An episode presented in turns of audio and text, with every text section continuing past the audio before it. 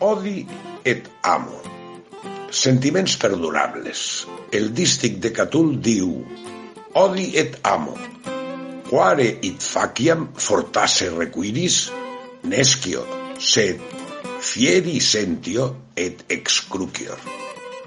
Odio i estimo. Com ho faig? Potser em demanes? No ho sé, però sento que és això el que em passa i em torturo. Tradueixen Vergés i Seva.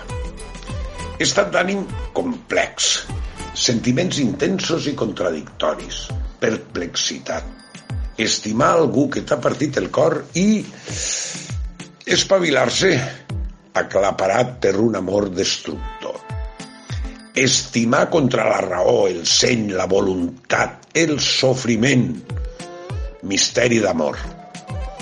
En l'aventura de saber, heroïna fonamental per a la revolució sexual, la joventut, la píndola, l'avortament.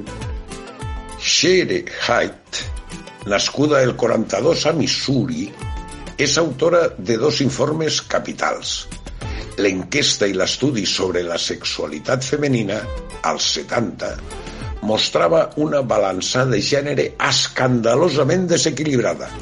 Només el 30% de les dones arribava a l'orgasme a través de la penetració. Més aviat l'aconseguien amb la masturbació. Per tant, moltes dones fingien l'orgasme i molts homes desconeixien allò que sentien les seves parelles. Vet ací el clítoris, clau per arribar al clímax. Les dones van comprovar que no eren frígides. Potser els gustos no coincidien amb les seves parelles. L'estudi de la sexualitat masculina, 81, retratava també els homes que xalen més amb la masturbació que amb el coit. Viuen una gran pressió entorn a l'erecció i tenen dificultats per expressar els seus sentiments.